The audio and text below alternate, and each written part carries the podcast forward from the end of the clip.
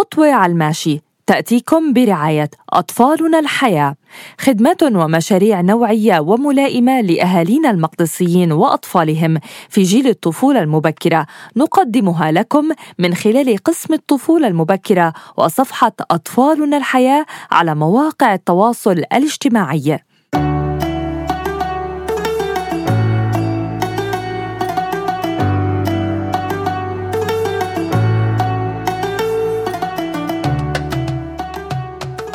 بهذا الشهر الفضيل بناء الارتباط مع الأطفال والاندماج معهم مهم جدا بكل الأشهر بس برمضان له خصوصية.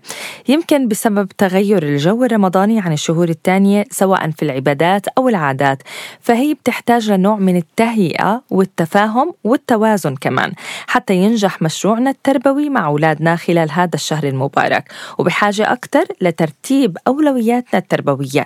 فسؤالنا لهاي الحلقة بيقول كيف يمكن تحديد الأولويات التربوية في شهر رمضان.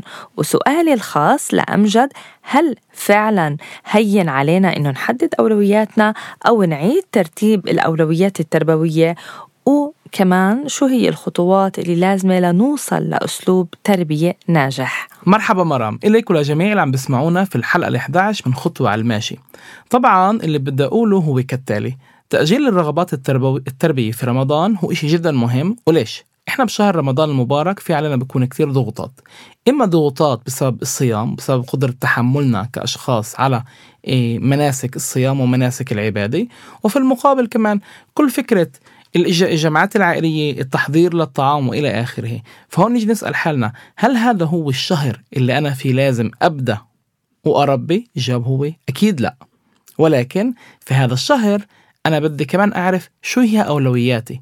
أولوياتي كان بتقول إنه أنا بدي أأجل المهام والحدود اللي هي كتير صعبة عشان ما أفوتش بكتير صراعات مع أطفالي وأقدم عليها أشياء تاني.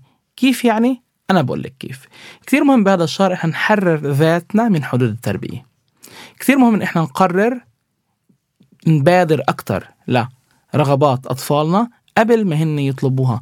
مرام سر كتير حلو في التربية إنه أنا أبادر قبل ما ابني يكون بحاجة وأفرجيه أنا قلت له خد اعمل هذا السلوك أو خد اعمل السلوك الثاني قبل ما هو يطلبه في النتائج. لما هو بيطلبه في النتائج لما هو بيطلبه في الأول وبصير في عليه تحدي سلوكي وبياخد نتيجة اللي هو بده إياها أنا هون بكون وقعت بفخ التربية. ورمضان كريم. رمضان كريم.